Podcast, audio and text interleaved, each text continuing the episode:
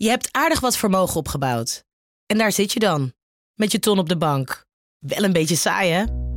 Wil jij, als belegger, onderdeel zijn van het verleden of van de toekomst? Bridgefund is een slimme fintech die een brug slaat tussen de financiële behoeften van ondernemers en van beleggers. Dus wie belegt bij Bridgefund krijgt niet alleen een mooie vaste rente, maar brengt ook ondernemers in beweging. Echt waar! Met die ton kan je zoveel betere dingen doen. Bridgefund. Make money smile.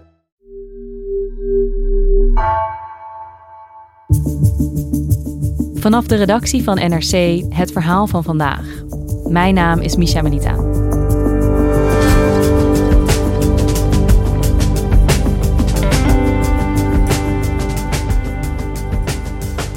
Cybercriminaliteit neemt toe en daders worden steeds jonger. Vorig jaar was bijna de helft van de verdachten onder de 25. Lang niet altijd hebben jongeren door dat ze online de wet overtreden, ziet redacteur Rick Wassens. De politie zoekt naar manieren om te voorkomen dat deze jonge hackers de fout ingaan.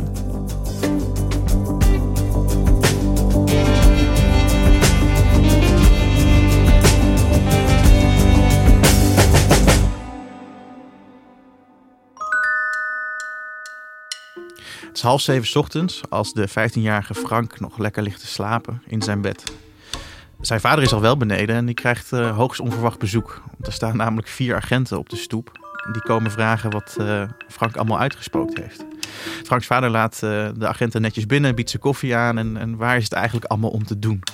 En Frank wordt door een agent en zijn moeder van zijn bed gehaald en mag beneden in zijn pyjama vertellen wat hij al die maanden geleden op zijn computer uitgespookt heeft. En dat ze waarschijnlijk daarom hier in zijn woonkamer staan op dit vroege tijdstip. Na het gesprek vertrekken de agenten weer, maar nemen zijn laptop mee. Oké, okay, dit klinkt best wel bizar, Rick. vijf politieagenten komen s ochtends vroeg aan de deur voor de laptop van een 15-jarige. Wat, wat is er aan de hand? Nou, Frank heeft een aantal maanden geleden, heeft hij, als een gek, heeft hij allemaal overheidssites proberen te hacken. En uh, dat heeft uiteindelijk tot een aangifte geleid, waardoor uh, de, deze rechercheurs nu op de stoep staan bij hem. Maar hoe komt Frank erbij om allerlei overheidssites te gaan hacken? Als je een, kwetsbaarheid meldt in een systeem van de overheid, dan krijg je van het Nationaal Cybersecurity Centrum krijg je dan swag. Heet dat dan. Je krijgt een vermelding, je krijgt een certificaat. En de grootste prijs is eigenlijk een t-shirt waarop staat: I hacked the Dutch government and all I got was this lousy t-shirt. En in hacker scene is dat super vet om te hebben, zeg maar. En Frank is 15 en die wil daar zijn carrière van maken. Hè. Dat heeft hij helemaal bedacht. Hij wil, hij wil hacker worden. Dus wat gaat zo'n 15-jarige jongen doen? Die downloadt een tooltje van het internet. Waarmee je automatisch kwetsbaarheden kan opsporen op websites. En dat, dat zet hij gewoon aan de gang op een gegeven moment. En hij voert de ene naar de andere overheidswebsite voert hij daarin. En, en dat toeltje rammelt eigenlijk aan alle deuren of de sloten wel goed dicht zijn. Hè. Hmm. Van alle, alle overheidswebsites. Ja, en op een gegeven moment uh, zegt het toeltje, hey, er is iets mis daar. En uh, nou, Frank helemaal blij natuurlijk. Die uh, gaat naar zijn ouders toe en zegt, nou, ik heb, een, ik heb hem lekker aangetroffen in een overheidswebsite. En dat heb ik naar het NCSC gestuurd, Nationaal Cybersecurity Centrum. En ik ga een t-shirt winnen, yes! En krijgt hij dat t-shirt ook? Uiteindelijk krijgt hij dat t-shirt. Maar dus ook bezoek van de politie. Oké, okay, dus Frank krijgt van de ene overheidsorganisatie een t-shirt, omdat hij hen uh, op een lek heeft gewezen. Maar tegelijkertijd wordt hij gearresteerd. Ja, tegelijkertijd heeft Frank het wel op zo'n manier aangepakt, hè, door zoveel dingen te doen, dat hij gewoon in de kijker loopt. Het gaat vooral om de schaal waarmee hij dat deed. Hè. Dus hij had gewoon een, eh, zijn machine ingericht om op gigantische grote schaal gewoon duizenden requests, heet dat dan, per minuut uit te voeren naar allerlei verschillende overheidswebsites. En lukte de ene niet, dan ging hij gewoon door naar de andere. En totdat hij beet had, tot hij dat shirtje won. De overheid is een veel koppig monster, hoor, hoor je wel eens zeggen. Hè, dat zijn twee parallele trajecten. Aan de andere kant zien waarschijnlijk beveiligers gewoon een of andere computer die, uh, die, die duizenden aanvallen per minuut doet. Ja, dat leidt tot een aangifte. De politie komt hem op het spoor. En uh, dus zij starten gewoon een groot onderzoek naar zo'n jongen. En hoe gaat dat verder? Uh, Frank hoort de hele tijd niks. Tot hij uh, in de economieles opgebeld wordt door een regisseur. Die hem vertelt, nou je moet verschijnen voor een verhoor. Hij gaat daarheen. Hij wordt gearresteerd. Hij moet al zijn spulletjes afdoen. Zijn horloge, zijn riemen en dat soort dingen. En hij wordt vervolgens 2,5 uur lang verhoord door de recherche.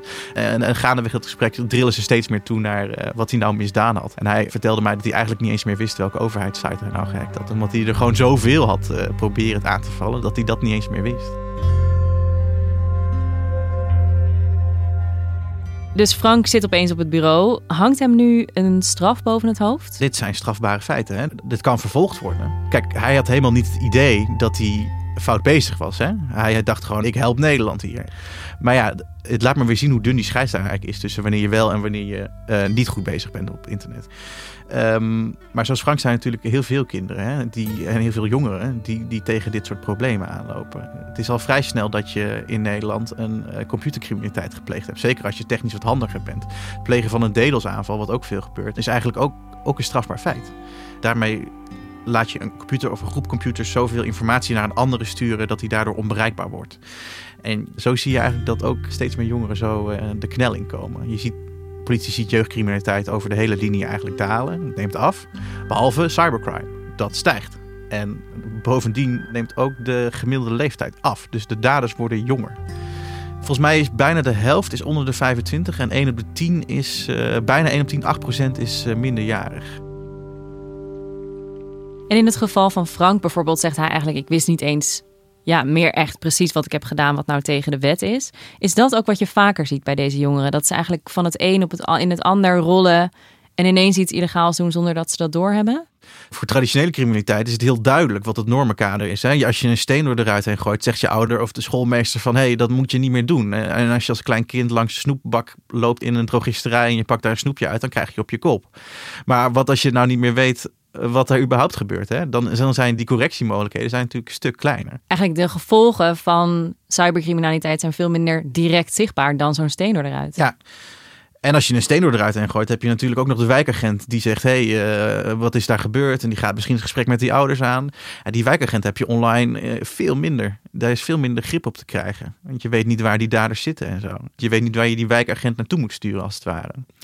En daarom heeft de politie heeft dus een speciaal team opgericht, al een tijdje geleden. Onderdeel van het team High Tech Crime. Wat heel veel bekend is van die grote zaken die ze doen. Hè. Heet dan het COPS team. Cybercrime Offender Prevention Squad.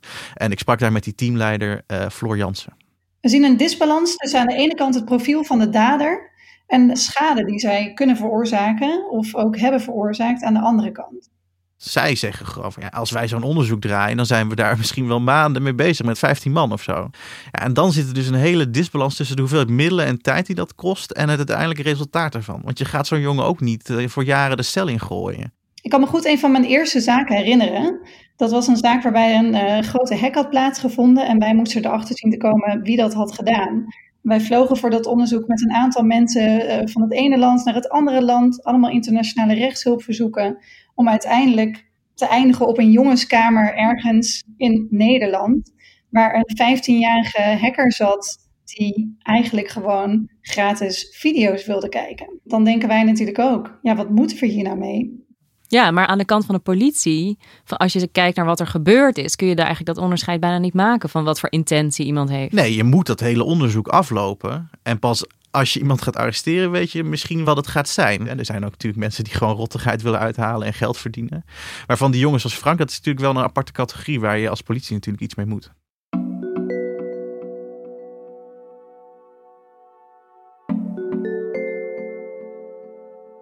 Oké, dus het blijft zoeken voor de politie, maar cybercriminaliteit komt wel steeds vaker voor. Hoe zie je nu dat de politie daarmee omgaat? Ze zijn heel erg bezig met hoe krijg ik nou die groep jongeren in beeld die technische vaardigheden heeft en misschien wel een beetje op het randje gaat zitten. Zoals we al zeiden, die scheidslijn tussen wat, mag en wat niet mag is vrij dun. Dus je merkt heel erg dat de politie bezig is met het voorkomen dat mensen de fout ingaan, daderpreventie. En daar hebben ze allerlei programma's uh, binnen ontwikkeld. Ik was twee weken geleden was ik op één zo'n dag, dat heet dan een reboot camp. Het was in een e-sports arena in Purmerend. En daar zijn dan 65 kinderen worden uitgenodigd om daar aan deel te nemen. Hey, ik heb er zin in. Hebben jullie er een beetje zin in of niet? Ah, dit kan wel even wat harder, hè? Die hebben ze dan geworven uit allemaal scholen. In eh, Noord-Holland was het een beetje, uit zes gemeentes. En um, die krijgen dan gastles van de politie de kinderen kregen een soort van preek hè, van nou, dit mag wel, dit mag niet. En zet je vaardigheden alsjeblieft en voor het goede. En dit is de scheidslijn. En heel erg ethisch bezig, zeg maar. Want uit die zaken die ze dus wel doen, hè, dus van die jonge criminelen, horen ze achteraf, als ze al gepakt zijn, dat die mensen al veel eerder de fout ingegaan zijn. En dat het steeds meer verder gegaan is, tot ze uiteindelijk wel tegen de lamp aangelopen zijn. En voor die groep dus die risico loopt, om het maar zo te zeggen, willen ze dit soort dagen organiseren. Om die er dus het goede pad op te helpen. Deze jongeren beschikken over de IT-capaciteiten uh, die ze zowel tegen als voor de maatschappij kunnen inzetten. En dan hebben we ze natuurlijk liever aan onze zijde. En boven organiseerde de politie een soort van gesprekken daarover. Hè, van wat moet ik daar nou mee als ouder? En daarin zag je eigenlijk dat die ouders veel meer bezig waren met uh, gaming. En hoe krijg ik ze daarvan af? En dat zijn de dingen die ouders zien van zo'n computerding. Hè? Ja, die ouders die zien gewoon die kinderen de hele dag achter de computer. Maar ze hebben niet door dat ze digitale stenen door ruiten aan het gooien zijn. Ja, die ouders die hebben vaak ook niet echt een idee. Dus zo krijgen die ouders ook meer informatie. Juist ook om die bijsturing die we eigenlijk niet hebben in dat digitale domein, uh, dan maar wel te realiseren. Hè? Ja, dus op zo'n dag probeer je dat eigenlijk te voorkomen. Maar tegelijkertijd zijn er ook jongeren die misschien niet op zo'n dag terechtkomen of uh, uh, in het verleden al uh, de fout in zijn gegaan. En ineens van hun bed worden gelicht door de politie, zoals Frank, wat je vertelde. -hmm. um, wat is dan de aanpak van de politie? Dat rebootcamp komt eigenlijk voort uit een reclasseringstraject wat de politie eerder al bedacht heeft. Hè. In 2016 zijn ze daarmee begonnen, samenwerking met het OM. Want politie ziet natuurlijk al die mensen binnenkomen. Die doen dat onderzoek en zien dan vervolgens een jonge hacker waar ze niet zoveel mee kunnen en waarvan ze niet goed weten wat ze daarmee aan moeten. En dat is een reclasseringstraject, dat heet Hack Right. En daar proberen ze eigenlijk dus de jongere die al in beeld is, heel goed in beeld is, hè, want ja, die is, daar is onderzoek naar gedaan, die is gestraft, proberen ze weer het goede pad op te helpen. Hè. Ook in de gedachte van, oké, deze jongen is nu al de fout ingegaan. We willen niet dat hij over twee jaar, als zijn kennis en vaardigheden groeit, misschien nog wel verder de fout ingaat. Wat ze eigenlijk doen is, um, ze koppelen dus mensen van de reclassering en je krijgt gewoon begeleiding vanuit dat traject, maar ook experts uit de praktijk. Ja, dus het is eigenlijk een reclasseringstraject voor jongeren die de fout in zijn gegaan met hacking. Maar hoe ziet dat er in de praktijk uit? Ja, een groot deel is het bespreken van het delict. Hè? Dus als je het delict ontkent, doe je niet mee. De, de, wat je misdaan hebt, staat centraal. En dat komt ook terug in opdrachten die ze krijgen. Een onderdeel van een straf is altijd dat daders iets moeten terugdoen voor de maatschappij. Dus bij Hackrite is dat eigenlijk een soort digitaal papier prikken. Een van de daders in het Hackrite-programma heeft bijvoorbeeld een phishing-campagne voor ouderen ontwikkeld. Dus hij heeft in een verzorgingstehuis laten zien aan ouderen hoe ze kunnen voorkomen dat ze op een phishing-link klikken. En ze leren dus hoe ze ethisch moeten hacken. Dat is een beetje de rode lijn er doorheen. Um, maar het blijft wel lastig. Hè? Ik sprak op die dag in Purmerend een, een begeleider van het Hack Right traject. Uh, en die, die vertelde eigenlijk hoe hij uh, omging met, zijn, met, met een pupil, een jongen die hij uh. En het blijft daarin lastig om die grenzen te bewaren. Hè? Van wat mag nou wel en wat mag nou niet. Hij dacht niet dat hij nog een keer de fout in zou gaan. Daar werd die jongen heel erg boos van toen hij hem dat vroeg. Maar eh, zij hebben toegang tot instrumentarium dat jij en ik niet hebben. Bijvoorbeeld als hij een phishing mail kreeg, dan weet hij binnen de kortste keren waar die servers staan, wat voor software erop draait. En dan ging hij dus naar die begeleider toe en zei hij, hey, mag ik hem offline halen? En dan zegt die begeleider, nou laten we maar één taakstraf tegelijkertijd doen. En vervolgens houdt hij de server dus wel, hè, blijft hij er verder vanaf, heel goed. Maar bekent hij later wel dat hij 100.000 e-mails naar ze verstuurd heeft. Oh ja, dus hij kon zich toch niet inhouden? Niet helemaal inhouden, nee. Oké, dus deze jongeren krijgen begeleiding en er wordt wat aan hun uh, moraal uh, gesleuteld. Werkt dat, dat reclasseringstraject? Dat is natuurlijk altijd best wel lastig te zeggen. Hè? Je meet dan in hoeverre mensen weer de fout ingaan. Dat is, het, is het recidieve kans lager als je dit traject gevolgd hebt, ja of nee? Ja, dat is lastig. Maar als je met de politie praat, zeggen ze wel dat geen van de mensen die dat traject gedaan heeft, dat hackride, en dat zijn er tientallen per jaar ongeveer, enkele tientallen, uh, is nog opnieuw veroordeeld. Maar ik kan me ook voorstellen dat de jongeren die wel echt bewust crimineel bezig zijn, hier niet terechtkomen. Weet de politie dan wel wat ze daarmee aan moeten? Uh, hackride is in principe voor iedereen toegankelijk, hè, mits je dus uh, niet eerder een cybercrime delict hebt begaan. Maar uh, soms leidt dat wel tot spanningen in de rechtszaak. Want sommige mensen vinden de OM bijvoorbeeld van dat ze te zwaar zijn, te zwaar misdadig om in aanmerking te komen voor zo'n traject.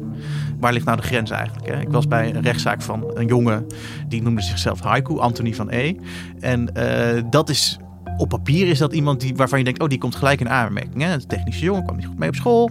Hij had een phishing panel gebouwd. En dat is eigenlijk een soort van machine achter die phishing websites die je dus wel eens ziet. je plakt er gewoon een frontje op en dan is het de Rabobank, dan is het ING. En hij was daar heel goed en hij kon die frontjes heel goed maken.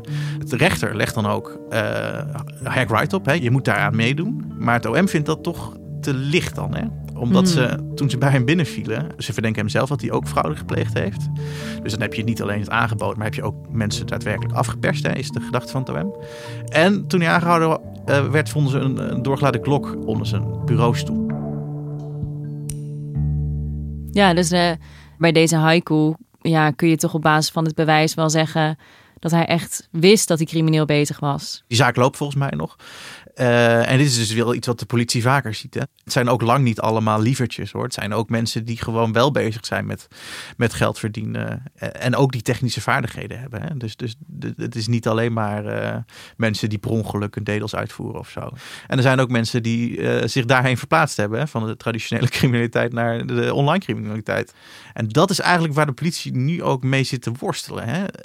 die cybercrime hart ook. Wat ze aan de andere kant zien is dus dat het veel makkelijker wordt om het te plegen.